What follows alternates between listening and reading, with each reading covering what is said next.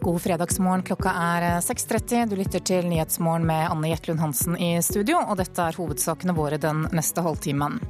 Mulla Krekar er overrasket over at han er pågrepet av politiet etter intervjuet med NRK. Han har bare svart på det han blir spurt om, sier forsvarer Brynjar Meling. Kanskje vel verdt etter hvert å diskutere eh, fra hans side om, om det da ut ifra konsekvensene er en idé å ikke svare på spørsmål, ikke stille til intervjuer. Hatkriminalitet mot muslimer kan føre til at rekrutteringen til ekstreme islamistiske miljøer øker. Kjetil Stormark er straks på plass her i Nyhetsmorgen for å svare på hva vi kan gjøre med det. Og norsk oljeindustri kan ha en stor fremtid i Australia, det mener olje- og energiminister Tord Lien. Det skal utvikles ressurser for flere hundre milliarder kroner i denne regionen i årene som ligger foran oss. Ja, Mulla Krekar ble altså pågrepet av Oslo-politiet i går kveld. Han er siktet for å ha oppfordret til straffbare handlinger i et intervju med NRK denne uken. Og I dette intervjuet så sa han at det er riktig å drepe dem som krenker islam. Pågripelsen gikk rolig for seg, det sier innsatsleder i Oslo politidistrikt Lise Dunham. Pågripelsen var udramatisk. Han er kjørt inn til politihuset. Eh, pågrepet for straffelovens 140, eh, oppfordret til en eh, straffbar handling. Det politiet mener er straffbar handling, kom fram i et intervju med NRK onsdag denne veka. Der ytrer Krekar seg bl.a. om hva han synes bør skje med nordmenn som tegner karikaturer av profeten Mohammed. Det er en krigende hedning som det er lov å drepe, sier han. Dette er bare ei av få ytringer som fikk politiet til å arrestere Krekar og ransake hans leilighet på Tøyen i går kveld. Politiet vil ikke si noe om hva de la beslag på. Brynjar Meling, Krekars forsvarer, sier klienten hans er overraska over arrestasjonen, fordi han hadde bare sagt det han mener til NRK. Eh, han sier han, at han svarer på de spørsmålene han får, eh, og at han uh, sier det han må si. Meling kunne ikke si så mye om hva som vil skje med Krekar videre, men én ting hadde han i alle fall klart for seg. Kanskje vel verdt etter hvert å diskutere eh, fra hans side om, om det da ut ifra konsekvensene er en idé å ikke svare på spørsmål, ikke stille til intervjuer. Ja, Krekar blir trolig fremstilt for varetektsfengsling i dag. Reporter her, det var Hibba Sarmadawi. Ytringsfriheten i Norge står på spill når tilgjengeligheten til karikaturutstillingen i Drammen blir begrenset. Det mener Elisabeth Eide i ytringsfrihetsorganisasjonen Norsk Penn. Utstillingen i Drammens teater åpner i dag. Den skulle opprinnelig vises i to dager, men etter en sikkerhetsvurdering så blir den nå åpen i bare seks timer.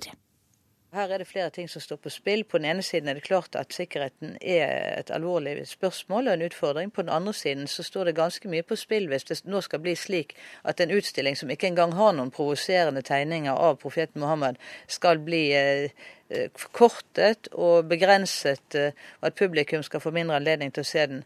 For Det er klart det går ut over ytringsfriheten i Norge. Sier Elisabeth Eide, nestleder i Norsk Penn. Utstillingen i Drammens teater skal vise rundt 100 karikaturtegninger til støtte for de som ble rammet av terroren mot magasinet Charlie Hebdo i Paris. Samtidig blir det også arrangert seminar med religionssatire og ytringsfrihet som tema. Arrangementet får det største synlige sikkerhetsforbudet i Drammen noen gang.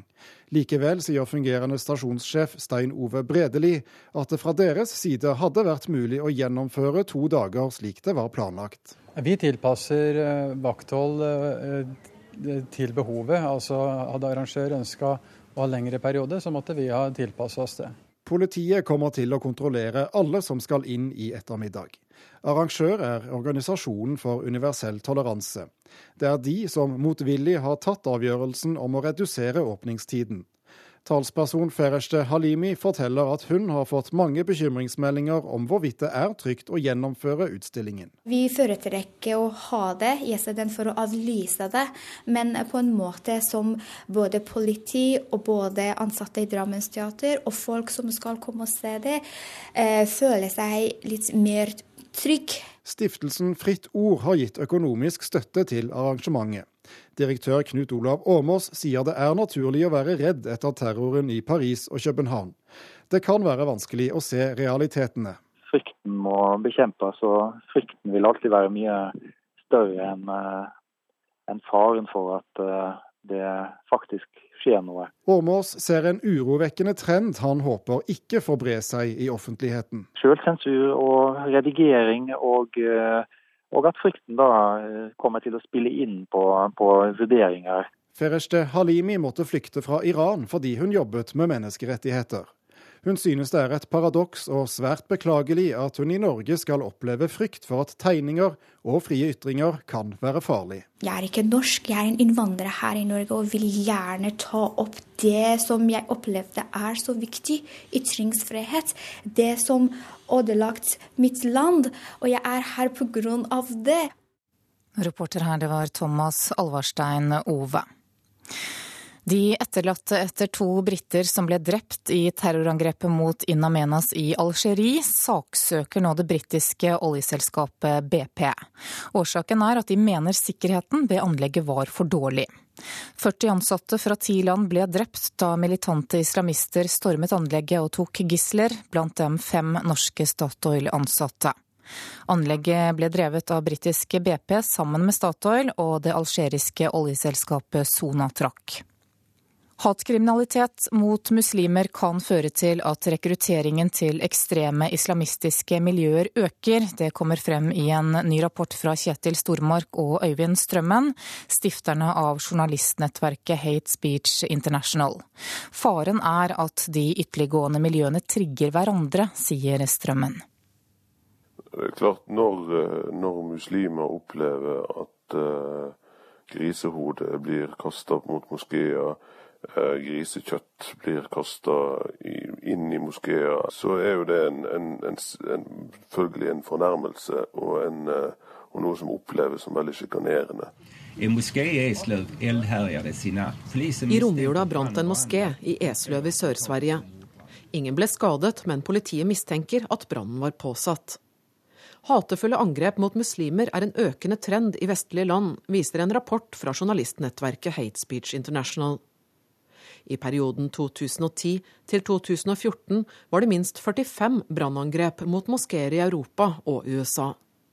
Dette utnytter de ekstreme islamistene i sin propaganda, sier Øyvind Strømmen. Bare se, eh, dere er ikke velkommen i, Vesten. Dere kommer aldri til å bli velkommen i Vesten. Dette er en, en krig. Eh, dermed kan de bruke den typen hendelser til å til å dra folk inn i sitt verdensbilde. Samtidig frykter Strømmen også flere angrep fra antimuslimsk hold. Dersom man først har sølt til moskeer med griseblod, er veien kortere for å gå til mer voldelige angrep, mener han. Rapporten bekrefter en sammenheng som politiet allerede er oppmerksomme på, mener kriminalitetsforebyggende koordinator ved Oslo politidistrikt, Bjørn Øvrum. De som er i et eh, ekstremt miljø, blir jo ofte veldig hyperfølsomme på, på ting som eh, som passer inn i verdensbildet deres. Og det er klart Hvis de føler at de på sett og vis er under angrep, og det er eh, ting som kan brukes til å bekrefte det, så, så vil de kunne bruke en sånn, sånn hendelse i rekrutteringsøyemed. Øvrum holder til på Manglerud politistasjon i Oslo, som har opprettet en egen gruppe mot hatkriminalitet. Og det er flere grunner til at man skal kategorisere denne typen kriminalitet på en bestemt måte, sier Øvrum. Det er jo litt for å vite hvor skoen trykker, og for å få oversikt over fenomenet.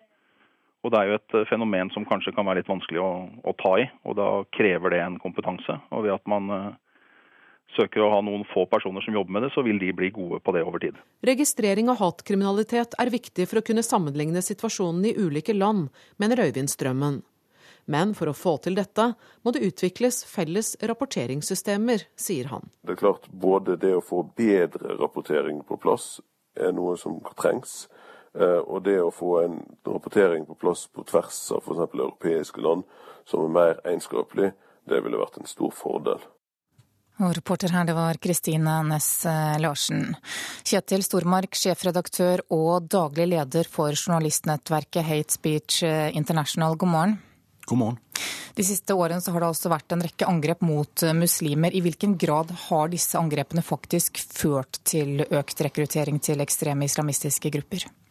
Ja, Så vidt meg bekjent så finnes ikke statistiske akademiske undersøkelser på det. Men det som er veldig håndfast, er at man kjenner igjen eh, eh, argumentasjonen som de militante islamistene bruker når de skal forsøke å rekruttere muslimer eh, som føler et utenforskap, og rekruttere de til eh, aktiv tjeneste i terrororganisasjoner eller til å reise til Syria og Irak for å kjempe for den islamske staten.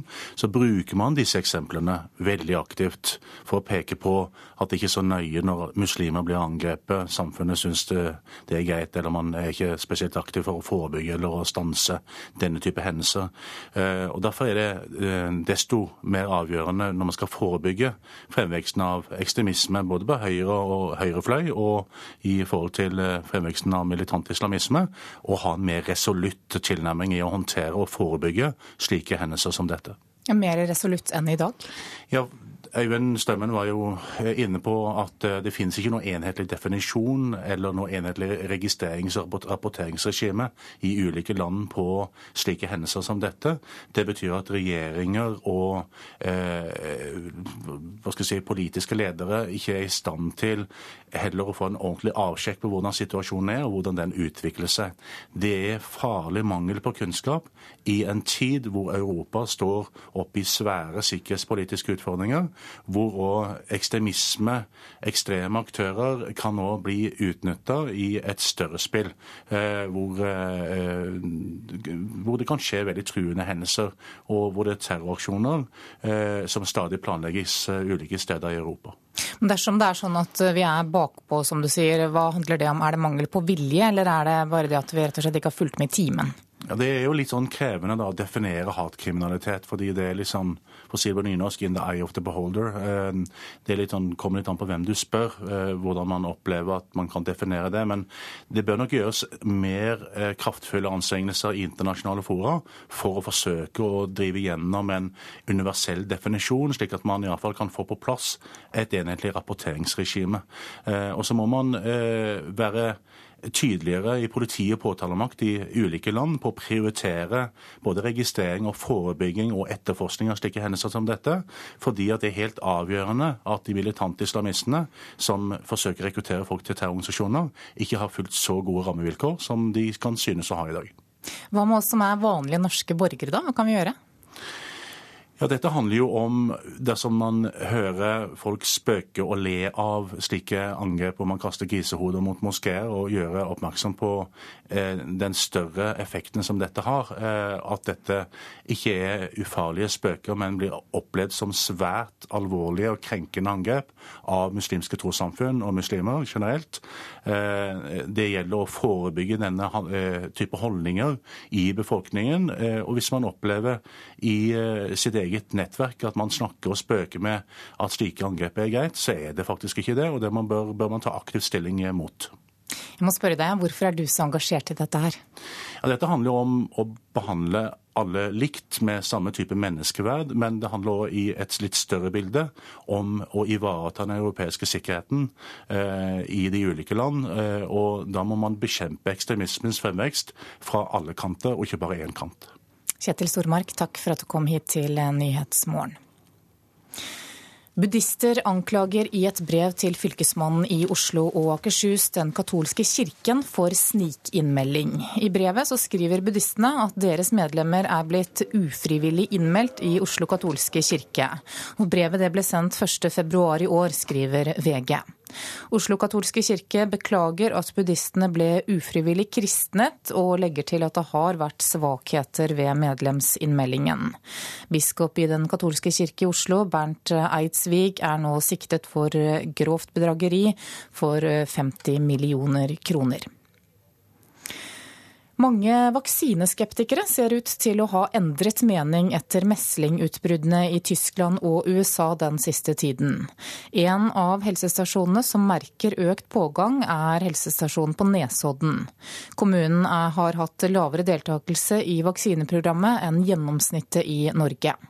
Meslinger er en av de mest smittsomme sykdommene som finnes, og for å få sykdommen under kontroll, så kreves det at 95% av befolkningen er vaksinert. I Norge så ligger dekningsgraden på 92 Da skal vi se hva avisene har på forsidene sine i dag. Bergens Tidende skriver at justisministeren nå må svare for å ha holdt unna enda et brev. Ifølge avisen mottok Anders Anundsen allerede i mars i fjor et brev fra afghanske myndigheter om at de ville forandre returavtalen med Norge. I kontrollkomiteen på Stortinget så reagerer flere nå på at de ikke ble informert. Forsvarsminister Ine Eriksen Søreide får kraftig kritikk i Klassekampen i dag for uttalelsene om Russland i intervjuet med CNN. Søreide sa bl.a. at forholdet til Russland aldri blir det samme etter krigen i Ukraina. Rune Rafaelsen i Barentssekretariatet mener at dette var politisk uklokt på sikt. Dagens Næringsliv forteller at tallet på erstatningskrav mot styremedlemmer har økt kraftig, særlig i forbindelse med konkurser. En kvinne som satt i ett år i styret for selskapet Tule Drilling, blir nå saksøkt for 1 milliard kroner, fordi obligasjonseierne som lånte penger til selskapet, nå holder styremedlemmene personlig ansvarlig for å få tilbake pengene sine. Nesten ingen av fylkeslederne i Kristelig Folkeparti greier å nevne verdisaker der de fortsatt er alliert med Fremskrittspartiet. Avstanden mellom de to partiene er blitt tydeligere, skriver Vårt Land. Bruken av antibiotika i landbruket kommer til å eksplodere. Det forteller Nasjonen i dag. Organisasjonen for økonomisk samarbeid og utvikling mener at bruken kommer til å øke med 70% innen 2030. Og norske leger advarer om at reisevaner og import utsetter Norge for resistente bakterier. Mens det er brukt flere hundre millioner på å holde den gamle legevakten i Oslo i stand, så er det nå avgjort at planene om en ny storbylegevakt i hovedstaden er skjøvet enda lenger frem i tid.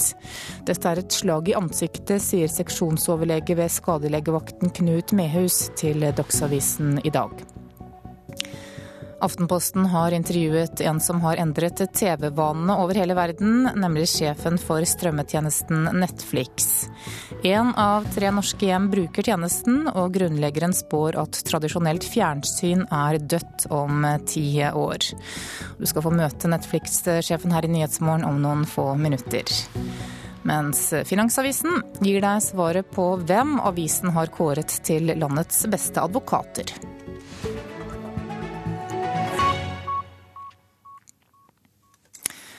Klokka er 6.47, nærmer seg 6.48 nå. Dette er hovedsaker i nyhetene i dag. Mulla Krekar kan bli fengslet for nye trusler. Han ble pågrepet i går kveld. Det er synd at karikaturutstillingen i Drammen får begrenset åpningstid pga. sikkerhetshensyn. Det mener Ytringsfrihetsorganisasjonen. Og følg oss videre, så skal du få høre at samarbeidet mellom KrF og Fremskrittspartiet er tynnslitt når det gjelder verdisaker. Nå skal vi høre at norsk oljeindustri kan ha en god fremtid i Australia. Det mener iallfall olje- og energiminister Tord Lien. Han er på besøk i den australske oljebyen Perth sammen med det norske kongeparet. Australia har store gassforekomster som er vanskelige å få opp, og her ser Lien gode muligheter for norsk teknologi. Det skal utvikles ressurser for flere hundre milliarder kroner i denne regionen i årene som ligger foran oss. De har veldig mye av de samme mulighetene og samme utfordringene som vi har hatt på norsk sokkel, med problemer som vi har løst allerede, med god hjelp av vår leverandørindustri. Det gjør selvfølgelig at mulighetene er enorme i denne regionen, dersom man klarer å faktisk løse de utfordringene som man i dag ser. Ja, Asia-korrespondent Peter Svaar, det var du som hadde snakket med Tord Lien. Hva er det norske selskaper håper å få ut av dette statsbesøket?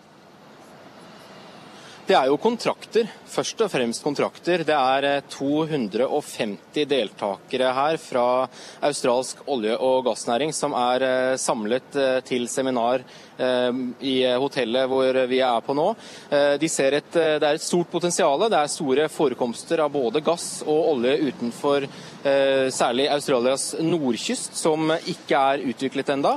Jeg snakket akkurat med Statoil her, som nå leter etter olje og håper å gjøre et stort oljefunn. De drømmer om et funn på størrelse med Johan Sverdrup-feltet.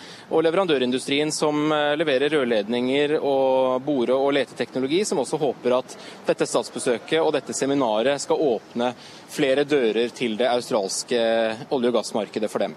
Ja, hvorfor er det interesse i Australia da for norsk oljekompetanse? Særlig fordi leteforholdene i eh, Nord-Australia ligner mye på norske forhold. Det er dypt vann, det er eh, olje og gass under ganske høyt eh, trykk nede på havdypet. Og det er først og fremst også mye vær. Så nordsjøteknologi er attraktivt for australske oljeselskaper når de nå skal lete etter olje og gass og utvikle feltene sine videre. Det er altså siste dag av dette ukelange statsbesøket i dag. Hvordan har det gått?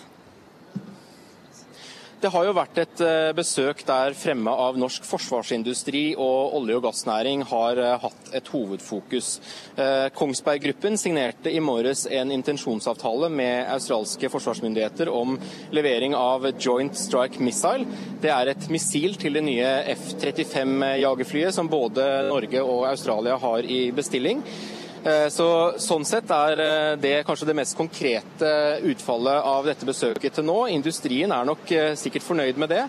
For øvrig vil nok kongeparet kanskje trekke frem møtet med aboriginerne, Australias urfolk, i Sydney.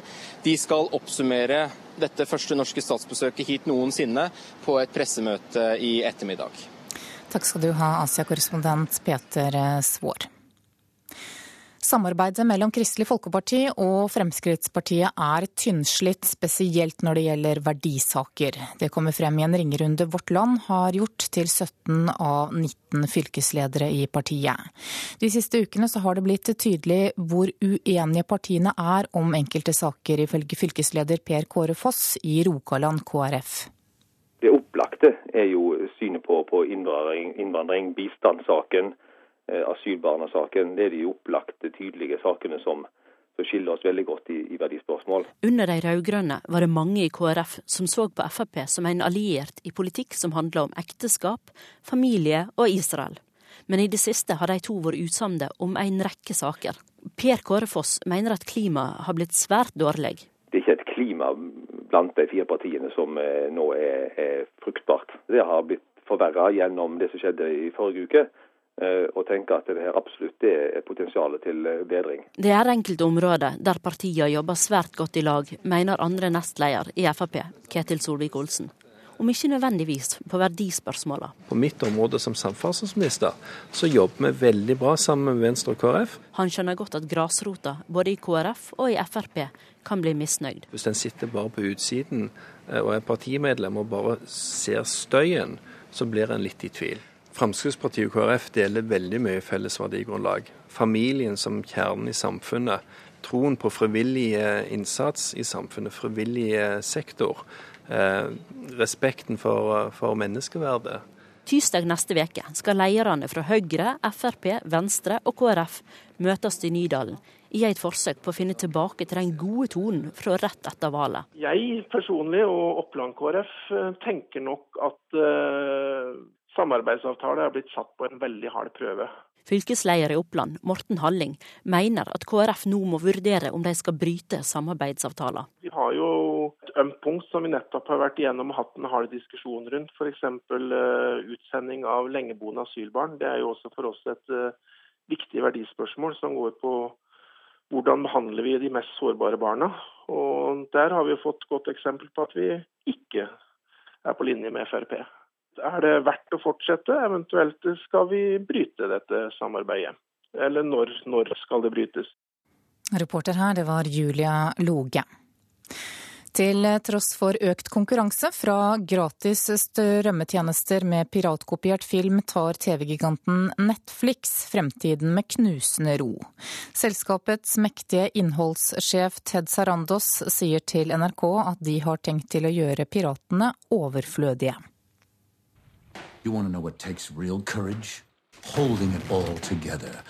I dag slippes samtlige episoder av den tredje sesongen av den svært populære Netflix-serien House of Cards for de som abonnerer. Det vil si, om kort tid vil de samme episodene også bli gjort tilgjengelig på uoffisielle nettsider piratkopiert. Um, and when we got into the space, we realized that our largest competitor over time is likely to be piracy. Da vi begynte med dette, skjønte vi at vår største konkurrent over tid kom til å bli piratkopiering. Det sier Ted Sarandas, den mektige innholdssjefen til Netflix. Mannen som har vært med på å endre måten vi ser TV på. NRK møter ham til eksklusivt intervju i London-hovedkvarteret. Og ikke bare har pirater stjålet TV-programmene de lager, men også måten de distribueres på. Tjenesten Popcorn Time f.eks. Den strømmer også serier og filmer, men helt gratis. Det er etter de fleste produsenters syn tyveri og ulovlig, men i mange land er det i en juridisk gråsone. Den offisielle strategien til Netflix er derimot ikke å forfølge piratene, men å konkurrere dem ut av markedet. So that we have to build a product that's better than free. So we have to give uh, consumers a reason not. Vi må lage noe som er bedre enn gratis, gi forbrukerne en grunn til ikke å stjele, sier Sarandes. Han mener mye av piratkopieringen bunner i frustrasjon hos TV-seere. TV-seere som kun fikk tilgang på serier når TV-kanalene ville det. Kjempesuksesser i USA kunne bruke måneder og år på å dukke opp i Europa. Derfor slipper vi serier i Norge samme dag som vi slipper dem i USA. Vi bruker nettet til både å markedsføre og distribuere programmer. Jo mer vi kan fjerne vinduer mellom premieredatoer, jo mer effektive blir vi på å redusere piratvirksomheten, tror Ted Sarandas. Ifølge ham går trafikken på piratsidene ned for hver gang de etablerer seg i et nytt land eller et nytt område.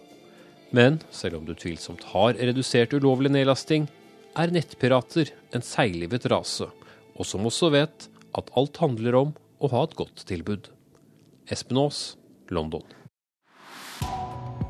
Da skal vi se på et værvarsel som gjelder til midnatt. Fjellet i Sør-Norge kan vente seg sørvestlig frisk bris i dag. Kuling utsatte steder, snøbyger.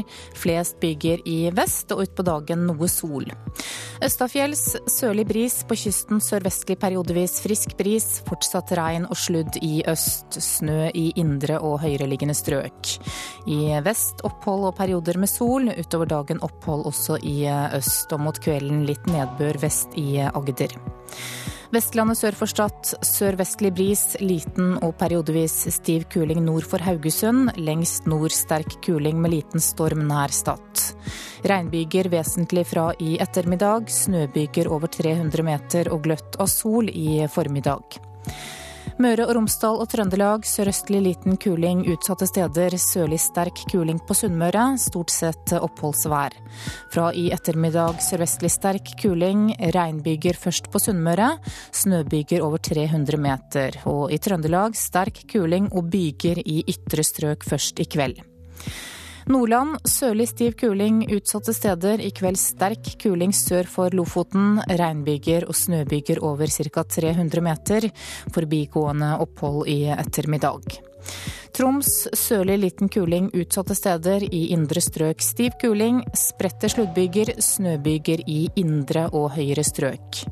Finnmark kan vente seg sørlig stiv eh, sterk kuling. Utsatte steder minkende til liten kuling i vest i kveld. Oppholdsvær og på vidda sørlig liten kuling og litt snø. Nordensjøland på Spitsbergen østlig frisk bris. I kveld stiv kuling utsatte steder. Oppholdsvær og i kveld snøfokk. Så tar vi med temperaturene som ble målt klokka fire. Da hadde Svalbard lufthavn minus 16 grader, Kirkenes 1, Vardø og Alta 2, Tromsø 1. Bodø 5, Brønnøysund 4, Trondheim 6. Molde 5, Bergen 3, Stavanger 2, Kristiansand 3, Gardermoen 0, Lillehammer 2, Røros og Oslo-Blindern hadde begge 1 plussgrad da klokka var fire i morges.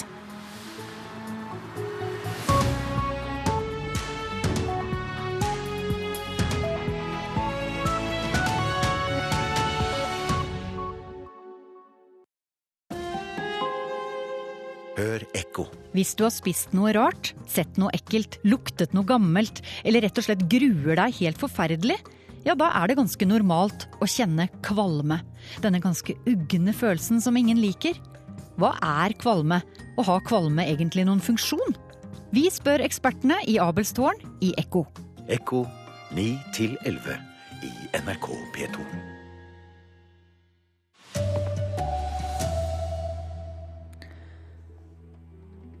Mulla Krekar kan bli fengslet for nye trusler. I går kveld ble han pågrepet. Økende hat mot muslimer kan bidra til rekruttering av militante islamister, og norsk olje- og gassteknologi kan bli viktig for Australia. Her er NRK Dagsnytt klokka sju. Økende hat og kriminalitet mot muslimer gjør det lettere for militante islamistiske miljøer å rekruttere nye tilhengere. Det kommer frem i en ny rapport fra nettverket Hate Speech International. Dette er noe politiet ikke er nok opptatt av, sier Bjørn Øvrum, kriminalitetsforebyggende koordinator ved Oslo politidistrikt. De som er i et eh, ekstremt miljø, blir jo ofte veldig hyperfølsomme på, på ting som eh, som passer inn i verdensbildet deres. Og det er klart Hvis de føler at de på sett og vis er under angrep, og det er eh, ting som kan brukes til å bekrefte det, så, så vil de kunne bruke en sånn, sånn hendelse i rekrutteringsøyemed.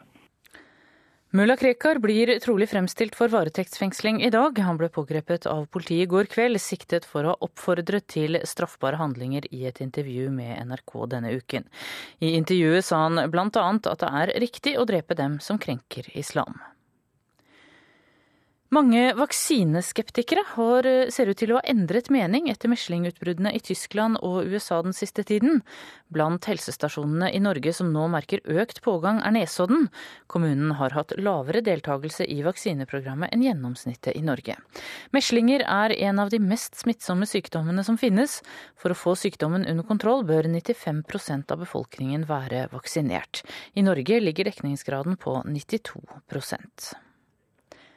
Norsk olje- og gassteknologi kan bli viktig for å få opp vanskelig tilgjengelig gass utenfor Australia. Det mener olje- og energiminister Tord Lien, som nå er på besøk i Australia sammen med kongeparet.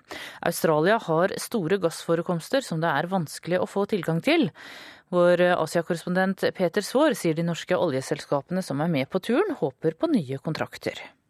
Særlig fordi leteforholdene i eh, Nord-Australia ligner mye på norske forhold. Det er dypt vann, det er eh, olje og gass under ganske høyt eh, trykk nede på havdypet, og det er først og fremst også mye vær. Så nordsjøteknologi er attraktivt for australske oljeselskaper når de nå skal lete etter olje og gass og utvikle feltene sine videre. En kvinne i Hongkong er dømt til seks års fengsel for overgrep mot hushjelpene sine. Den 44 år gamle kvinnen er dømt for å ha slått, sultet og truet to hushjelper. Saken har satt søkelys på de vanskelige arbeidsforholdene for flere millioner hushjelper i Asia. NRK Dagsnytt, Tone Nordahl. Klokka er 7.03. Nyhetsmorgen fortsetter med disse sakene. Mulla Krekar kan bli fengslet for nye trusler. Han ble pågrepet i går kveld. Hver tredje tenåringsjente har hodepine. Hva kan være grunnen til det, spør vi. Og i dag møtes forhandlere fra Cuba og USA for å prøve å normalisere forholdet mellom de to landene. Mulla Krekar blir altså trolig fremstilt for varetektsfengsling i dag. Han ble pågrepet av politiet i går kveld siktet for å ha oppfordret til straffbare handlinger i et intervju med NRK denne uken. I dette intervjuet så sa han bl.a. at det er riktig å drepe dem som krenker islam. Harald Stanghelle, redaktør i Aftenposten, god morgen. God morgen. Aller først, Er du overrasket over at Krekar ble pågrepet i går kveld? Nei, jeg er ikke det. Ut ifra de uttalelsene han kom i Dagsrevyen, og den konkrete forma som han snakka seg inn i, så var det på en måte en invitasjon til å ta han på alvor fra politiets side, og det er det de har gjort. Ja, hva var det som gjorde utslaget, tror du? Ja, Det var nok fordi at uh, han blir veldig konkret når han snakker om at han vil gi gave til den som uh, dreper de som har uh, håna profeten. slik kan definere det. Eh, vi har jo også sett at eh, kurderen Gorman, eh, som tidligere har brent Koranen i sin form for protest, har uttrykt frykt for hva dette betyr. Han bruker uttrykket, Krekar altså, som at en skal utslette de som gjør det. Og her er han inne i gråsona mellom ytringer og oppfordring til vold. Hvorfor tror du Krekar sier disse tingene når han vet at han risikerer å bli tatt for det? Mulla Krekar han sender på sin egen frekvens. Vi i det norske samfunnet mottar på vår frekvens. Sånn sett så kan du si at for han er det nok viktig å både profilere seg, men også å snakke ut ifra det islamsynet som han har. Eh, for han er dette en form for selvfølgeligheter, men for oss er det noe helt annet. Det er trugsmål, eller kan leses, høres som trugsmål. Ikke minst fordi at utgangspunktet for spørsmåla til NRKs Anders Magnus, det er jo terrorhandlinger i Paris og i København. Men tror du Krekar på en eller annen måte er ute etter å teste grensene? Nei, jeg tror faktisk ikke det, uten at jeg skal granske hans eh, sjel. Eh, jeg tror at han sier ja til å stille opp på intervju. Det har han gjort i forhold til utenlandske medier eh, hele tida. det er sjelden han gjør det i norske medier. og så tar han og snakker ut ifra sin utlegning av, av Koranen og skriftene av hadithene. Vi skal høre litt om det som skjedde i går.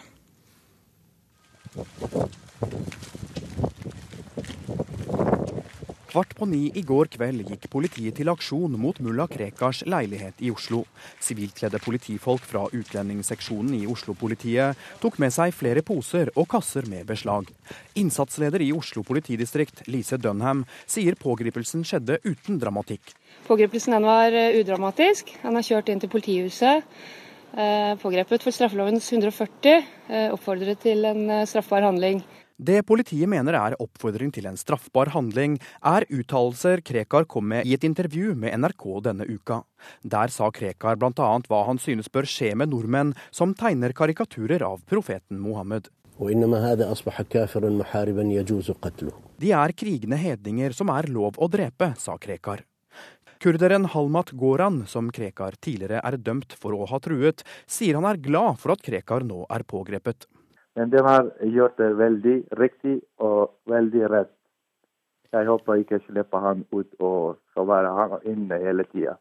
Krekars advokat Brynjar Meling sier Krekar er overrasket over arrestasjonen, fordi han mener han bare har sagt det han mener. Eh, han sier han, at han svarer på de spørsmålene han får. Eh, og at han eh, sier det han må si. Meling mener det nå er særlig én samtale han bør ta med sin klient. Kanskje vel verdt etter hvert å diskutere eh, fra hans side om, om det da ut ifra konsekvensene er en idé å ikke svare på spørsmål, ikke stille til intervjuer. Ja, reporter her, det var Halvard eh, Norum. Tilbake til deg, Harald Stanghelle, redaktør i Aftenposten. Hvilke konsekvenser får denne pågripelsen, rent bortsett fra at han altså nå sitter bak lås og slå i øyeblikket? Eh, den får den konsekvensen at den også har rettslig prøve igjen om dette er grunnlag for en ny sak mot uh, mulla Krekar. Uh, vi vet jo at han slapp løs fra en dom på drøyt to år, som han sona i Kongsvinger fengsel. Nå skal retten prøve først om det er grunnlag for å varetektsfengsle Krekar. Hvis det er grunnlag for det, så må politiet etablere ei straffesak mot han. Men Er han nå nærmere en utvisning for eksempel, enn det han har vært tidligere? Nei, dette har ingenting med utvisningssaka å gjøre. Han er utvist fra Norge. Den saka har vært prøvd helt opp til Høyesterett. Eh, problemet er at eh, Norge ikke har noe land å utvise han til hvis vi skal følge de internasjonale lover og regler som vi er forplikta til. Eh, det er jo også det vi har sett, at uansett regjering, enten Fremskrittspartiet justisministeren eller Arbeiderpartiet, ja, så har en ikke lykkes i akkurat det. Men utvisningsvedtaket, det står fast, og det har ingenting med nye saker å gjøre. Disse uttalelsene som han kom med i dette intervjuet har jo fått en del oppmerksomhet. Hvem er det som hører på ham, altså hva slags standing har han? Eh, det som blir sagt av de som kjenner miljøet bedre enn vi gjør, det er jo eh, at han har relativt liten oppslutning, men han har en del oppslutning. Og det han sier, det er jo synkront med det vi hører fra andre ekstremistiske eh, grupper med islamistisk tilknytning.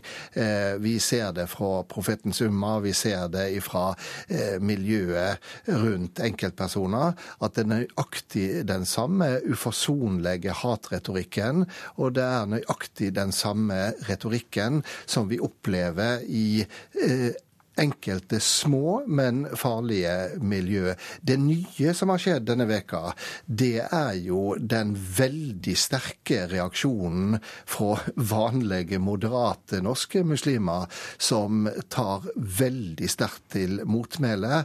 Og det er om ikke et nytt fenomen, så er det et nytt fenomen med den mengden intensitet og det klarspråket vi har hørt de siste dagene. Harald Stanghelle, takk for at du kom hit til Nyhetsmorgen. Nå skal det handle om noe helt annet, nemlig at hver tredje tenåringsjente ofte har hodepine. Det viser undersøkelser gjort blant 8000 ungdommer i Nord-Trøndelag.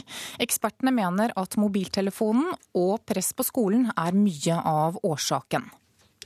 Jeg bare tar et dypt pust inn. sånn. Kristine viser hva hun har fått beskjed om å gjøre når hodepinen kommer og så sakte ut. Mm. Hun og de andre førsteklassingene ved Oslo handelsgymnasium er vant til at det presser rundt tinningen. Cirka hver tredje dag. Mm. Ja, eller i hvert fall en gang i uka. Mm.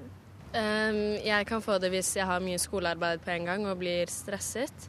Så merker jeg at uh, da blir jeg litt nervøs, rett og slett, og da tar det litt over hodet mitt. Enn du? Du er Jeg pleier vanligvis å ha det, egentlig. Sånn kanskje tre ganger i uken. Hver tredje tenåringsjente og 15% av guttene har mye vondt i hodet, viser kartlegginga fra Nord-Trøndelag.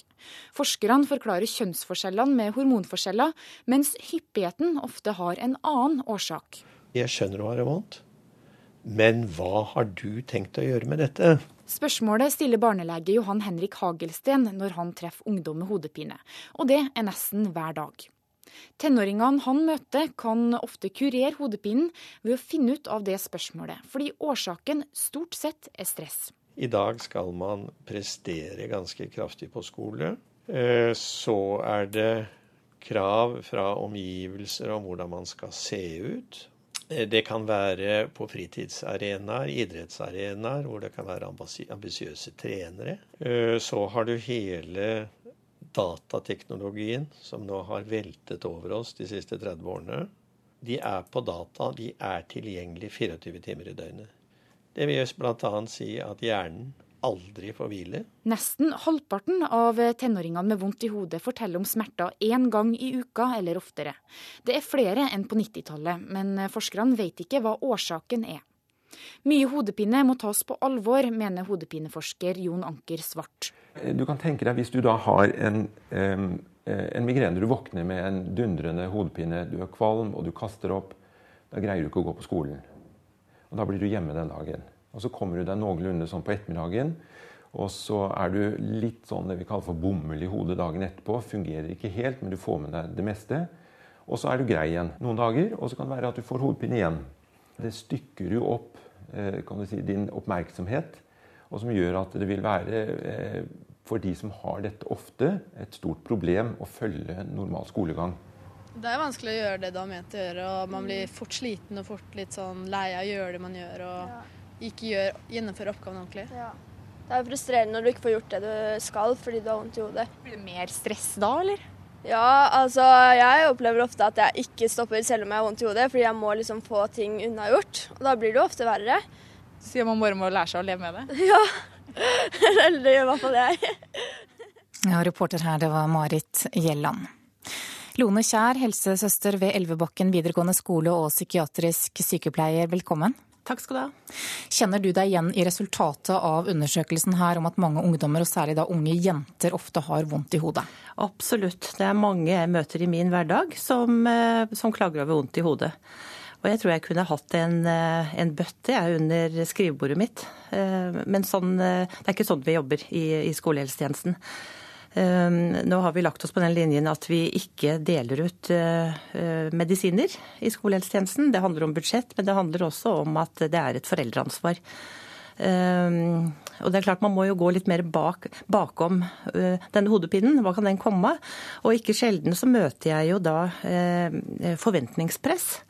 Uh, og da at, at, de har høye krav til seg selv. Og det, det er jo da spesielt jentene som, som har de kravene. ja. Men, men er det egentlig nytt? Hva sa du? Om... Er det egentlig nytt? Dette forventningspresset opplevde jo vi da vi var unge jenter også. Ja, om, om, det er nødvendig, på en måte. At de, at de må Ja, Om det er noe nytt? Er, om, om, det er noe nytt, ja. Mm. Ja, jeg vil jo si at det har Eller nytt og nytt, altså det har eskalert. Altså det er de, Spesielt jenter står under masse krav. Mer krav enn da jeg var ung. Det begynner å bli noen år siden. Ehm, de skal strekke til på mange kanter. Det er karakterer, de skal inn på prestisjestudier. Ehm, ehm, de har kanskje vært den beste i klassen på ungdomsskolen, så kommer de på videregående hvor de møter mange andre flinke også, og havner kanskje ikke blant de beste. Og bare det i seg selv kan være et press. De skal være tilgjengelige, som det ble sagt, på, på medier, og hjernen får aldri ro.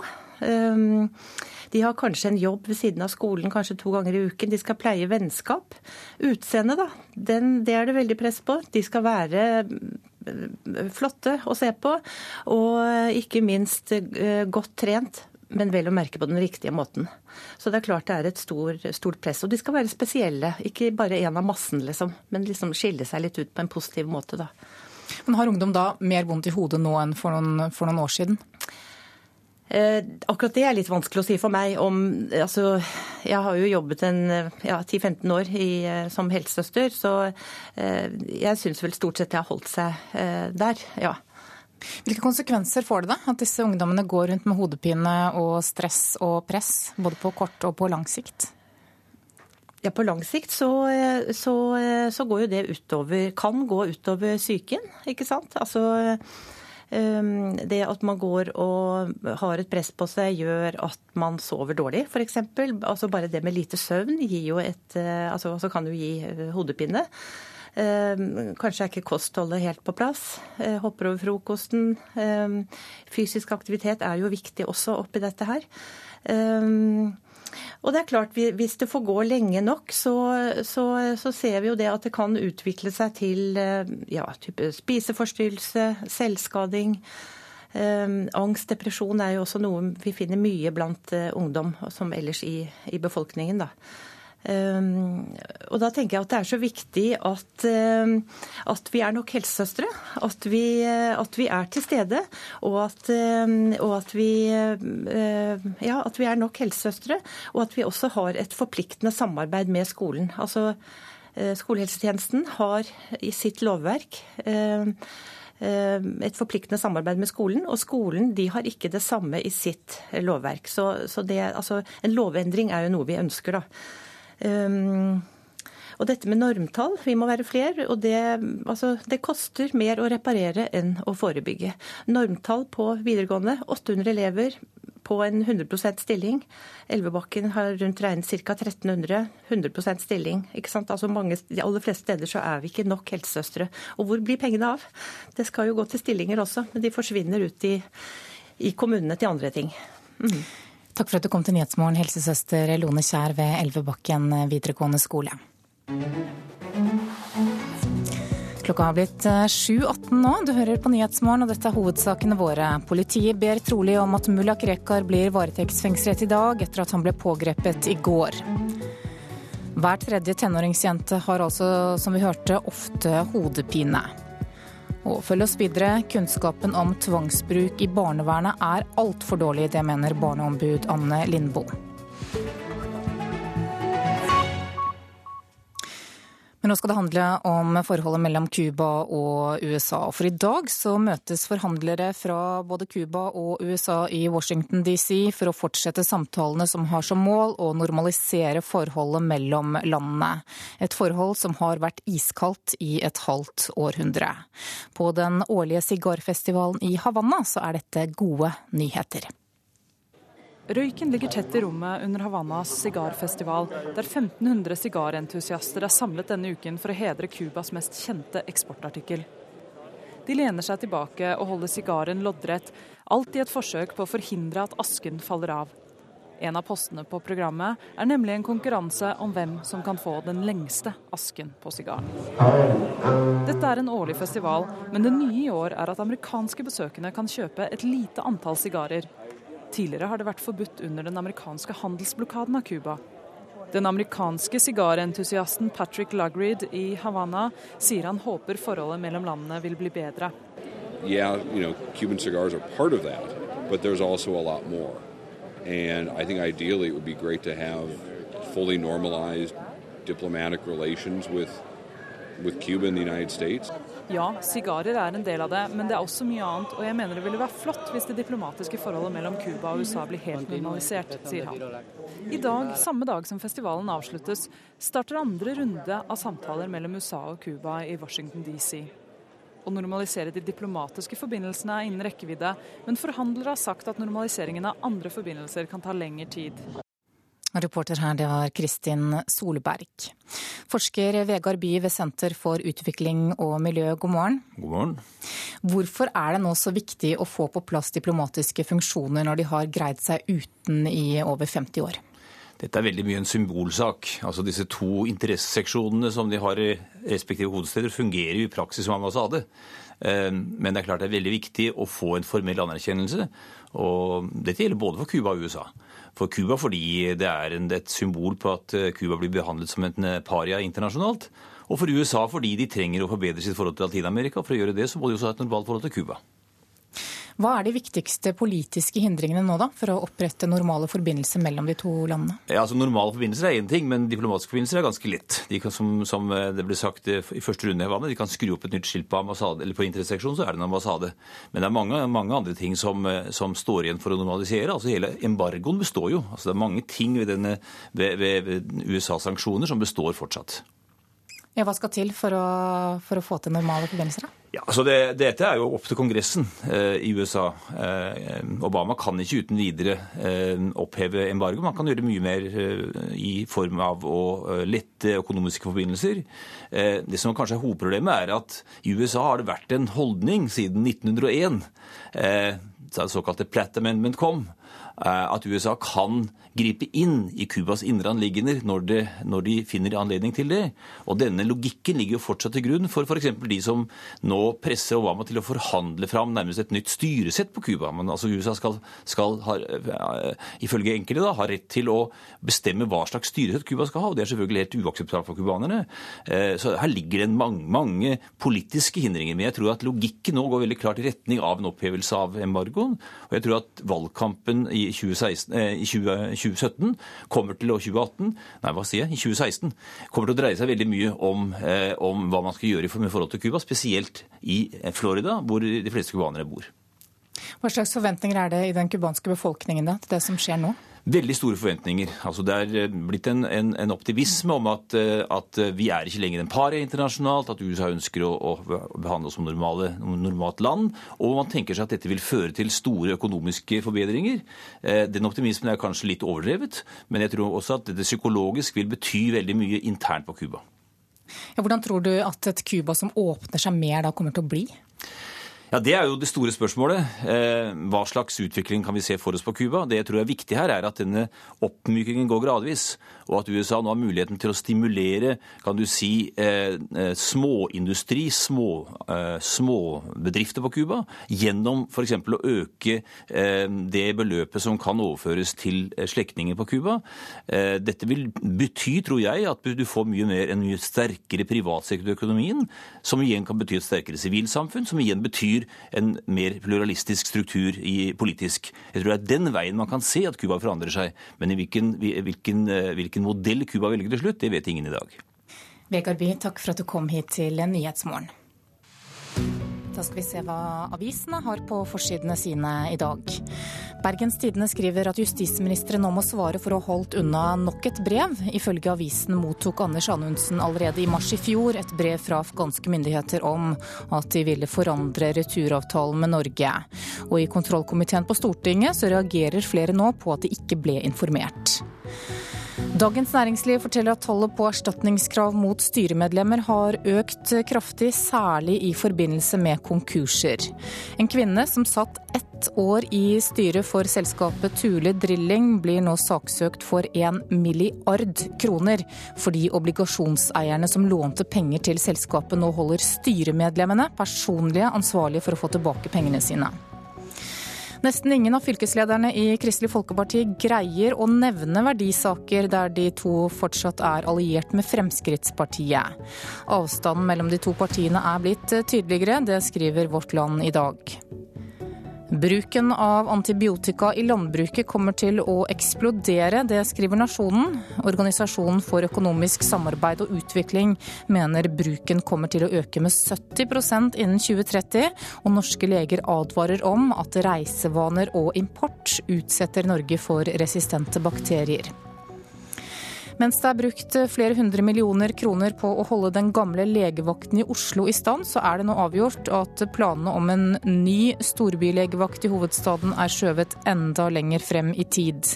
Dette er et slag i ansiktet, sier seksjonsoverlege ved skadelegevakten Knut Mehus til Dagsavisen. Aftenposten har eh, intervjuet en som har endret TV-vanene over hele verden, nemlig sjefen for strømmetjenesten Netflix. Én av tre norske hjem bruker denne tjenesten, og grunnleggeren spår at tradisjonelt fjernsyn er dødt om ti år. Kunnskapen om tvangsbruk i barnevernet er altfor dårlig. Det mener barneombud Anne Lindboe. Hun vil kartlegge hvor mange barn som blir utsatt for tvang, og hva det gjør med dem. Her er eget eh, bad til de, da, ikke sant? Og her er det sitter den ene. Der inne der er det soverom og Leder Ellen Aavitsland viser oss rundt på skjermingsrommet på Sandnes ungdomssenter. eh, Nå er det alltid sånn når vi før vi bruker det. eh, Så er det sånn. Rommet er som et middels stort soverom, bare med nakne vegger og uten for mange løse gjenstander. Her havner barn og unge som kommer hjem til institusjonen rusa. De er ikke så ofte her, skjønner du. Mange kommer aldri til å komme inn her. Skjermingsrommet er et inngripende tvangstiltak som blir sjeldent brukt.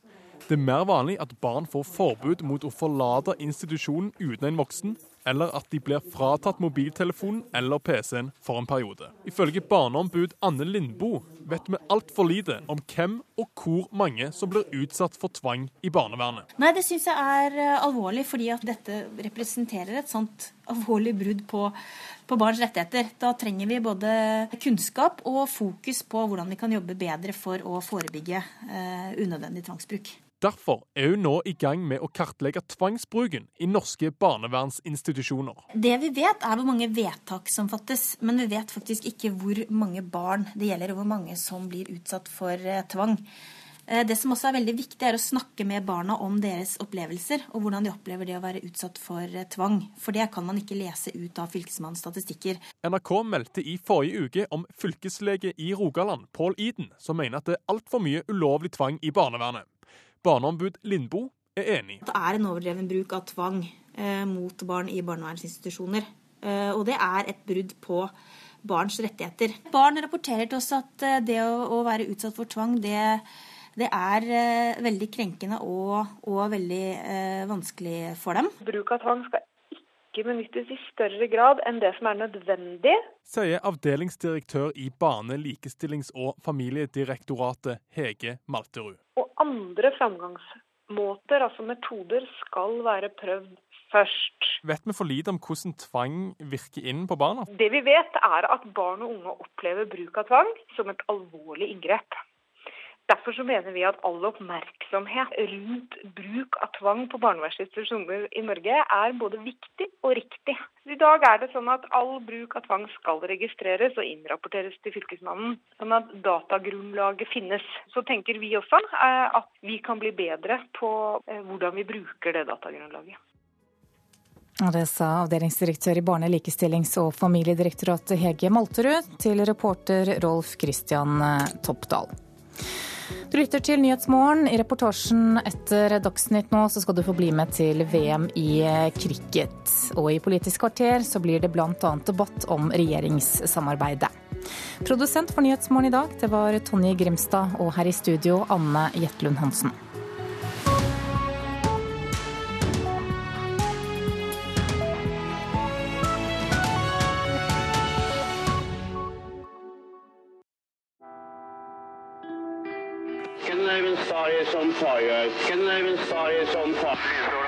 Dødsbrannen på Scandinavian Star tok 159 liv. Vi må våkne. Vi må, vi må komme oss opp på dekk. Det brenner. Radioteatret presenterer Scandinavian Star. Starter søndag klokken 15 i NRK P2.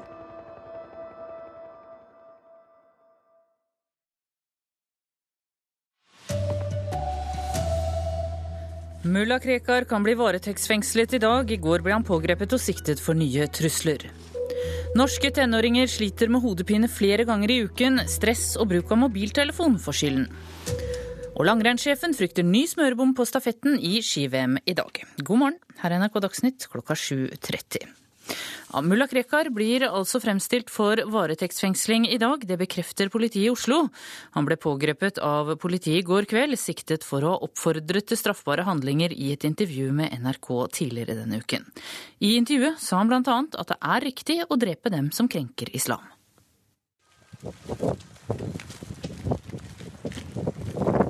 Kvart på ni i går kveld gikk politiet til aksjon mot mulla Krekars leilighet i Oslo. Sivilkledde politifolk fra utlendingsseksjonen i Oslo-politiet tok med seg flere poser og kasser med beslag. Innsatsleder i Oslo politidistrikt, Lise Dunham, sier pågripelsen skjedde uten dramatikk. Pågripelsen var eh, udramatisk. Han er kjørt inn til politihuset. Eh, pågrepet for straffelovens 140. Eh, oppfordret til en straffbar handling. Det politiet mener er oppfordring til en straffbar handling, er uttalelser Krekar kom med i et intervju med NRK denne uka. Der sa Krekar bl.a. hva han synes bør skje med nordmenn som tegner karikaturer av profeten Mohammed. De er krigende hedninger som er lov å drepe, sa Krekar. Kurderen Halmat Goran er en av dem som Krekar tidligere er dømt for å ha truet. I intervjuet med NRK nylig sa Krekar at han skulle kjøpe en gave til den som drepte Goran. Jeg er glad for at Krekar nå er pågrepet, sier Goran til NRK. Men de har gjort det veldig riktig og veldig rett. Jeg håper ikke slipper han ut og skal være inne hele tida. Krekars advokat Brynjar Meling sier Krekar er overrasket over arrestasjonen, fordi han mener han bare har sagt det han mener. Eh, han sier han, at han svarer på de spørsmålene han får, eh, og at han eh, sier det han må si. Reportere her var Halvard Norum, David Krekling og Anders Magnus. Økende hat og kriminalitet mot muslimer gjør det lettere for militante islamistiske miljøer å rekruttere nye tilhengere. Det kommer frem i en ny rapport fra Kjetil Stormark og Øyvind Strømmen, stifterne av nettverket Hate Speech International. Hatkriminalitet mot muslimer i vestlige land øker, sier Strømmen. Når muslimer opplever at uh, grisehodet blir kasta mot moskeer, grisekjøtt blir kasta inn i moskeer, så er jo det en, en, en, en, følgelig en fornærmelse. I romjula brant en moské i Esløv i Sør-Sverige. Ingen ble skadet, men politiet mistenker at brannen var påsatt. Hatefulle angrep mot muslimer er en økende trend i vestlige land, viser en rapport fra journalistnettverket Hate Speech International. I perioden 2010 til 2014 var det minst 45 brannangrep mot moskeer i Europa og USA. Dette utnytter de ekstreme islamistene i sin propaganda, sier Øyvind Strømmen. Bare se, eh, dere er ikke velkommen i, Vesten, dere kommer aldri til å bli. Dermed kan de bruke den typen hendelser til å til å dra folk inn i sitt verdensbilde. Dersom man først har sølt til moskeer med griseblod, er veien kortere for å gå til mer voldelige angrep, mener han. Rapporten bekrefter en sammenheng som politiet allerede er oppmerksomme på, mener kriminalitetsforebyggende koordinator ved Oslo politidistrikt, Bjørn Øvrum. De som er i et eh, ekstremt miljø, blir jo ofte veldig hyperfølsomme på ting som eh, passer inn i verdensbildet deres. Og det er klart Hvis de føler at de på sett og vis er under angrep, og det er eh, ting som kan brukes til å bekrefte det, så vil de kunne bruke en sånn, sånn hendelse i rekrutteringsøyemed. Reporter i dette innslaget var Kristine Næss Larsen.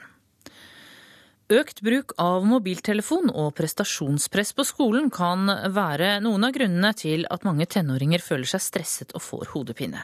Hver tredje tenåringsjente sier at hun har mye hodepine.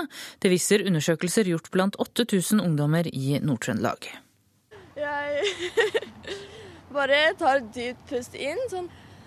Kristine viser hva hun har fått beskjed om å gjøre når hodepinen kommer. Og så sakte ut. Mm. Hun og de andre videregående-elevene på skolen er vant til at det presser rundt tinningen. Cirka hver tredje dag. Mm. Ja, eller i hvert fall en gang i uka. Mm. Um, jeg kan få det hvis jeg har mye skolearbeid på en gang og blir stresset. Jeg pleier vanligvis å ha det, egentlig. Sånn kanskje tre ganger i uken. Hver tredje tenåringsjente og 15% av guttene har mye vondt i hodet, viser store kartlegginger fra Nord-Trøndelag. Mens forskjellene har med hormoner å gjøre, har hyppigheten ofte andre årsaker, sier barnelege Johan Henrik Hagelsten. I dag skal man prestere ganske kraftig på skole. Så er det krav fra omgivelser om hvordan man skal se ut. Eh, det kan være på fritidsarenaer, idrettsarenaer, hvor det kan være ambisiøse trenere. Eh, så har du hele datateknologien. De er på data, de er tilgjengelig 24 timer i døgnet. Det vil bl.a. si at hjernen aldri får hvile. Nesten halvparten av tenåringene med hodepine har smerter én gang i uka eller oftere. Det er alvorlig, mener hodepineforsker Jon Anker Svart. Det stykker jo opp din oppmerksomhet og som gjør at det vil være eh, for de som har dette ofte, et stort problem å følge normal skolegang. Det er frustrerende når du ikke får gjort det du skal fordi du har vondt i hodet. Reporter her var Marit Gjelland. Mange vaksineskeptikere ser ut til å ha endret mening etter meslingutbruddene i Tyskland og USA den siste tiden. En av helsestasjonene her i landet som merker økt pågang, er Nesodden. Kommunen har hatt lavere deltakelse i vaksineprogrammet enn gjennomsnittet i Norge. Meslinger er en av de mest syk smittsomme sykdommene som finnes. Nesten 50 mennesker ble evakuert pga. brann i en garasje i Florø i Sogn og Fjordane i natt. Ingen ble skadd i brannen. Brannvesenet fikk raskt kontroll over flammene, og de evakuerte fikk gå inn i boligene sine igjen ved firetiden i natt. Flyktningkrisen i Syria er i ferd med å nå bristepunktet. Det advarer nå FNs høykommissær for flyktninger. Idet hun krysser grensen fra Syria til Tyrkia med seks barn og en ektemann, blir Aisha møtt av en nærmest endeløs rekke hvite telt. Fingeravtrykk blir tatt av familien av tyrkiske myndigheter før de får utdelt tepper og mat. Dette er Aisha og barnas nye hjem. Like etter sitter hun på gulvet i teltet. Barna er barbeinte. Familien fra Raqqa har vært på flukt en stund, og livet har vært vanskelig. Det var som om vi var tiggere. Vi fikk mat fra naboer. Jeg hadde ikke engang råd til å kjøpe en kilo sukker for barna mine. De kom til meg om morgenen og ba om frokost, og jeg hadde ingenting å gi dem, sier Aisha. Syrias fire år lange borgerkrig har drevet tolv millioner syrere på flukt. Snaue fire millioner har flyktet til Tyrkia og andre naboland, og FNs høykommissær for flyktninger, Antonio Gueres, advarte i FNs sikkerhetsråd om at krisen er nådd bristepunktet. Jeg brifet Sikkerhetsrådet i 2013 og advarte mot at dette kom til å bli den verste humanitære krisen i vår tid, og at dette truer regionens stabilitet og internasjonal fred og sikkerhet. Nå er det dette vi står overfor i dag, sier han. Reporter her var Kristin Solberg. Et Picasso-maleri som ble stjålet fra et lager i Paris i 2001, er nå funnet igjen i New York. Det var amerikanske tollere som fant maleriet, som ble sendt eh, som en pakke fra Belgia til New York. Det er uklart hvor maleriet har vært etter at det ble stjålet for 14 år siden. Så til ski-VM i Falum. Landslagssjef Vidar Løfshus innrømmer at han frykter en ny smørebom på stafetten i dag, hvis det begynner å snø. Værmeldingene varierer mye, og landslagssjefen er like usikker på forholdene som han er på konkurrentene. Jeg har plukka ut fem lag. Det er Norge, Russland og Sverige som først og fremst med og kjempe helt inn. Og så har jeg to sånne spørsmålstegn med Finland og Frankrike. Svarer landslagssjef Vidar Løfshus på hvem som kan vinne dagens stafett. Men det er ikke konkurrentene han frykter aller mest. Jeg frykter mest uhell og at, vi, at det blir litt sånn uh, ugne forhold. Værmeldingen tidligere denne uken har gjort det norske apparatet bekymret for en ny smørebom. Det er jo ikke noe artig når eh, forhold og, og, og vær skal, skal, gjøre så store utslag på resultatlista. Mens Petter Northug valgte å fokusere på andre ting enn ski på gårsdagens pressekonferanse. Hver sving, hver motbakke er kritisk, så det handler om å gjøre eh, ting riktig hele veien. Håper Løfshus at samme mann får muligheten til å avgjøre stafetten uten å få løpet ødelagt av smøretrøbbel. Kan ikke se hvem som skal svare Petter på en spurt her. Ja, Det sa Vidar Løfshus, og reporter i Falun det er Mats Håby. Stafetten den hører du i NRK P1 fra klokka 13.30. Ansvarlig for Dagsnytt denne morgenen er Bjørn Christian Jacobsen. Det tekniske ansvaret har Hans Ole Hummelvold, i studio Tone Nordahl.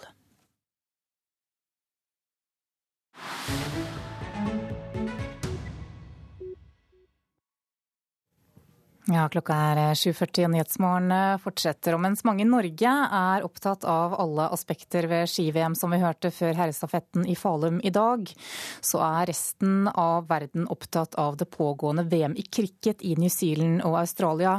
Og dette betyr noe for milliarder av mennesker akkurat nå.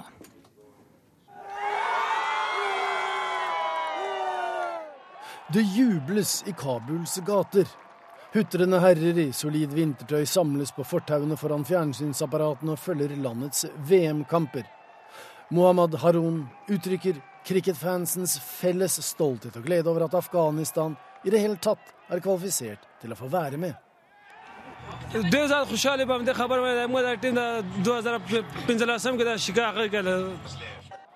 har ikke alltid vært slik. For det verste er Afghanistan en outsider i internasjonal cricket. De er ikke et av de ti fullverdige medlemmene av ICC, altså Det internasjonale cricketrådet. Der er det bare de viktige cricketlandene som får innpass. Afghanistan, som har vært gjennom mye de siste 35 årene, har hatt annet å tenke på enn cricket. Men de har fusket i faget under særdeles kummerlige kår og farlige forhold. De dannet et cricketforbund i 1995, og i 2001 fikk de status som assosiert medlem av ICC. Problemet var at Taliban forbød all idrett. Men de gjorde etter hvert unntak for cricket. Derfor kan afghanerne nå juble i gatene og følge med på TV. Kort sagt, de hygger seg og har det fint, som Mahid Khan sier. او ټول شایقین راغلي د دې لپاره چې خپل ټیم او خپل ولس او خپل خلکو ته Fordi helt uinnvidde så er cricket en slektning av slåball og baseball. Med et slags balltre som slagmannen bruker i håp om å treffe den ballen som motstandernes kaster gjør nettopp det kaster på en vrien og vanskelig måte. Hvis slagmannen treffer, forsøker han selv å skåre poeng ved å løpe, mens utespillerne på motstanderlaget forsøker å nulle det hele ved å ta pol. Cricket spilles normalt i flere formater. Testkamper over flere dager er den egentlige formen for cricket.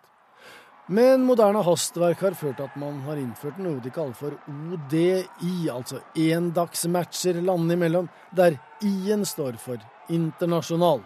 Mens globale fjernsynssendinger og spillets underholdningsverdi har skapt en bastard slik de klassiske cricketpuristene ser det, som de kaller 2020. Den er unnagjort på rundt tre timer og er en sprintdistanse i cricketverdenen.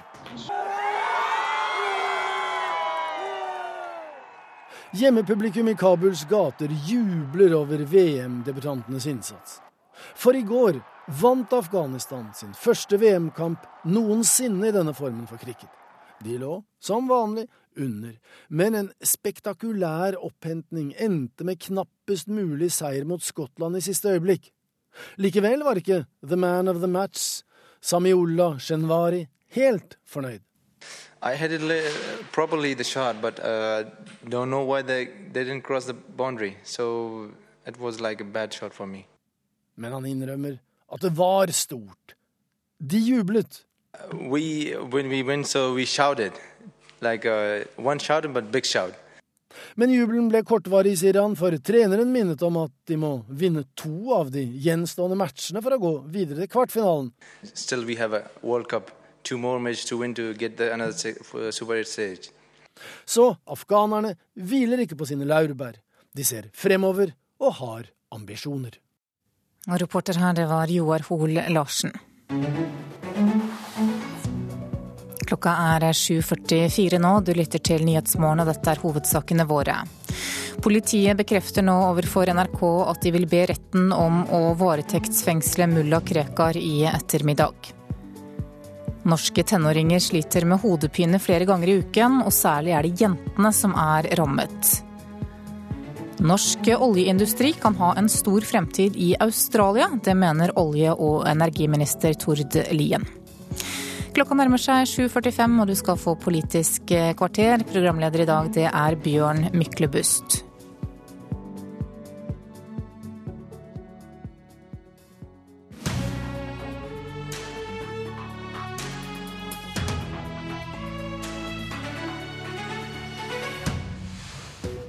Vi leter videre etter årsaken til Nydalen blues, men vi hører veldig forskjellige forklaringer på de blå unotene, også fra politiske observatører. Nettavisen møter Dagsavisen. Og så møtes Arbeiderpartiet og Høyre. Da tror jeg stemningen blir nesten like dårlig som på borgerlig side. Tiden er inne for at Kristelig Folkeparti og Venstre avslutter hakkingen og bidrar til suksess for regjeringen de støtter skrev Nettavisen. Det borgerlige regjeringssamarbeidet er i ferd med å gå opp i flammer etter FrPs mange hatske utspill, skrev Arne Strand i Dagsavisen. Gunnar Stavrum, redaktør i Nettavisen, hvorfor retter du pekefingeren mot Venstre og KrF? Det er jo fordi at du kan ikke både støtte og ikke støtte en regjering samtidig. Eh, og Venstre og KrF har ved at de har støtta regjeringen, eh, valgt å legitimere at den finnes. Og de er tjent med at regjeringen lykkes. Eh, det betyr ikke at de er nødt til å være enig med regjeringen i ett og alt, men de må oppfattes som at de hovedsakelig støtter regjeringen. Og Der mener jeg de må legge om kursen noe hvis de skal ha et håp om å vinne neste valg. Du er gubben mot strømmen i kommentariatet? Ja, men jeg er gubben med strømmen i kommentarfeltene. For jeg ser at, eh, at, når du skriver ting, så er det ganske mange som er enig i dette. Gubben med strømmen, Arne Strand, kommentator i Dagsavisen. 'Samarbeidet opp i flammer' var en av dine overskrifter. Og det er Per Sandberg som holder fyrstikken? Ja, i denne siste omgangen så er det jo han. Og han fortsetter jo også. Den mannen gir seg ikke, og det er ingen som har ødelagt så mye for det borgerlige samarbeidet noen gang i norsk historie enn det Per Sandberg driver med nå. Men han var jo bare dråpen som fikk begeret til å flyte over. For dette dårlige forholdet mellom Høyre, Frp, KrF og Venstre har jo pågått en stund. Dvs. Si helt siden statsbudsjettet ble lagt fram. Og grunnen til at det da knaket i sammenføyningene og ble så dårlig, er jo fordi det er så store politiske avstander mellom KrF og Venstre på den ene side og Frp særlig på den andre siden. Men blir det feil som Stavrum gjør å peke på Hareide og Grande når ja, dette skal ryddes opp i? Blir, det syns jeg blir en sånn meningsløs skyldfordeling. Eh, KrF og Venstre oppfattet med rette at det statsbudsjettet som regjeringen la fram i fjor høst, det var et slag i ansiktet på de to sentrumspartiene. Du så det i hele den gale sosiale profilen som budsjettet fikk, sett fra KrF og Venstres side, og i denne manglende eh, klima- og miljøsatsingen som særlig Venstre hadde etterlyst over lang tid, og som statsminister Erna Solberg faktisk lovet under trontaledebatten i Stortinget, der hun snakket om et grønt skifte. Det kom ikke i statsbudsjettet. Meningsløst. Nei, det er jo ikke det. For det første er det ikke en skyldfordeling. Det er mer et råd om hva man nå bør gjøre. Eh, jeg er jo enig med Arne Strand i at, eh, at Per Sandberg ikke akkurat er noe samarbeidets mann. Eh, Men du mener, du mener, de, du mener han overdriver? Ja, altså jeg, jeg, mener at Ingen kan være overraska over hva Per Sandberg mener om innvandring i Norge, og at han er en løsgjenger, og at Fremskrittspartiet har noen sånne. På samme måte som Venstre og KrF også har politikere som helst skulle ønske at de regjerte med Arbeiderpartiet. Sånn, Det er fakta.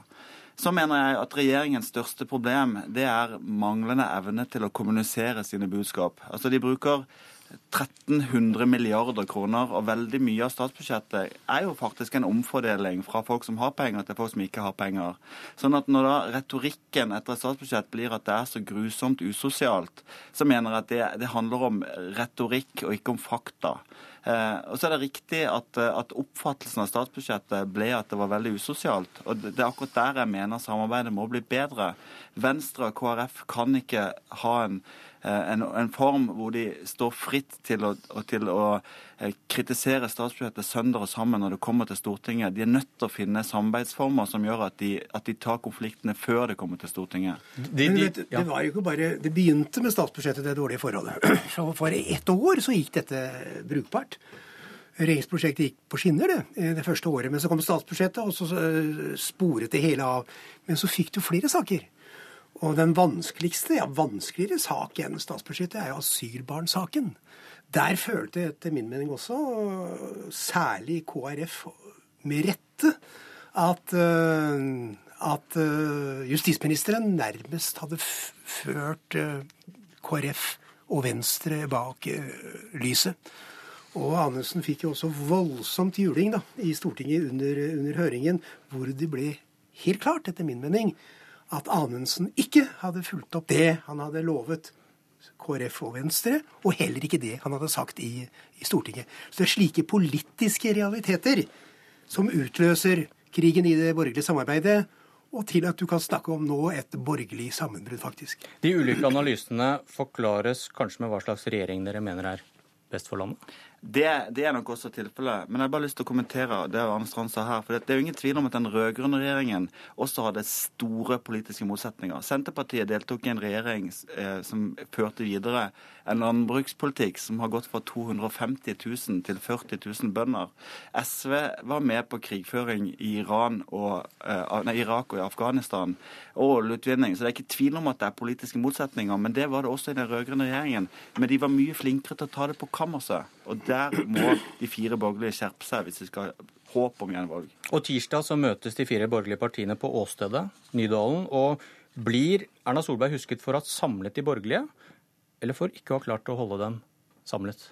Ja, Sånn som det ser ut nå, så blir hun husket for at hun ikke har klart å samle de, de borgerlige på en måte som varer sier, sier, sier, du fordi du håper det? Nei, det, det, har ikke noe med det å gjøre. Men altså, jeg mente allerede fra starten av ja, at den, den konstruksjonen hun laget med å ha bare Frp i regjering, og så lager en samarbeidsavtale med KrF og, og, Venstre, det var en skjør konstruksjon. Noe lignende har du ikke hatt i norsk politikk. Jeg mener, og mener fortsatt, at det beste hun kunne gjøre, var å holde seg med Frp.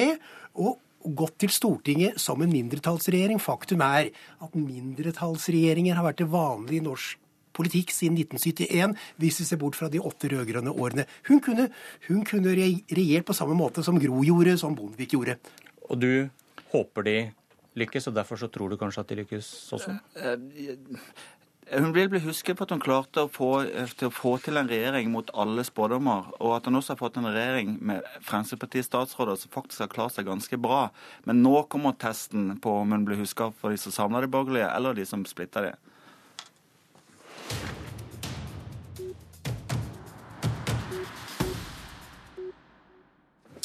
Mine to neste gjester hadde nok trengt minst åtte år i Nydalen for å bli enige. Velkommen inn og ta plass. Er det 600 000 som står utenfor arbeidslivet, eller bare halvparten? Anette Trettebergstuen i arbeids- og sosialkomiteen på Stortinget for Arbeiderpartiet. Du har nettopp fått svar på et spørsmål du sendte til arbeidsministeren, og der står det at tallet er over 600 000. Hvorfor mener du dette er bevisst juks? Jo, for når eh, representanter fra regjeringspartiene i den offentlige debatten sier gjentatte ganger at det er 650 000 som er i et utenforskap, som står utenfor arbeidslivet og som banker på døra inn til arbeidslivet og vil inn, så er det feil. Eh, I det tallet på 650 000, altså det er alle som går på en eller annen form for stønad, midlertidig eller fast. I det tallet så er alle de som er korttidssykemeldte, altså de som ligger nå en uke med influensa. Det er langtidssykemeldte. Det er også um, de som går på arbeidsavklaringspenger, som er på vei inn i, i jobb. Eh, og det er eh, også eh, de som er i ferd med å bytte jobb, som er korttidsledige. Altså man har kanskje en periode på et par uker der man står uten arbeid fordi man er mellom jobb. Så det er feil å si at det er 650 000 som står utenfor og som ikke jobber og som vil inn. Det reelle tallet er omtrent halvparten, 300 000, som i dag går på en eller annen stønad, og som vi burde rette en sterkere innsats eh, overfor men, for men, å få inn i arbeidslivet. Men hvorfor skulle han som sitter ved siden av deg være interessert i å blåse opp dette tallet? Ja, Det er det vi prøver å få svar på. Enten så er det jo en teori er jo at regjeringa ikke skjønner at det er forskjell på en influensasyk eh, arbeidstaker som er borte fra jobb en uke, og en varig ufør som ikke kan jobbe. Men det tror du ikke? Eh, ja, Det må jo høyresiden svare på. Eh, vi har sett andre steder at høyrepartier har bevisst blåst opp den type tall.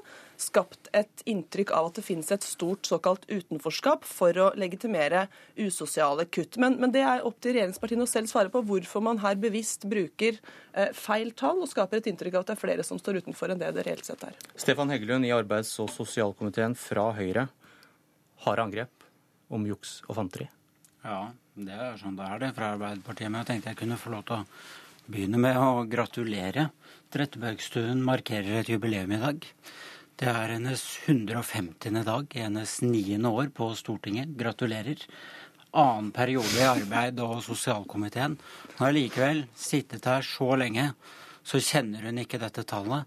Har behov for å stille statsråden et spørsmål om hvilke tall han egentlig refererer til, og vi refererer til og som den rød-grønne regjeringen refererte til selv. De brukte den, det samme tallet? De brukte nøyaktig det samme tallet i stortingsmeldingen Flere i arbeid, som de leverte før valget i 2013. Så at dette tallet skal komme som en overraskelse, og at det er det utenforskapet vi har i Norge, det syns jeg er litt rart. Dette er et veldig alvorlig tema.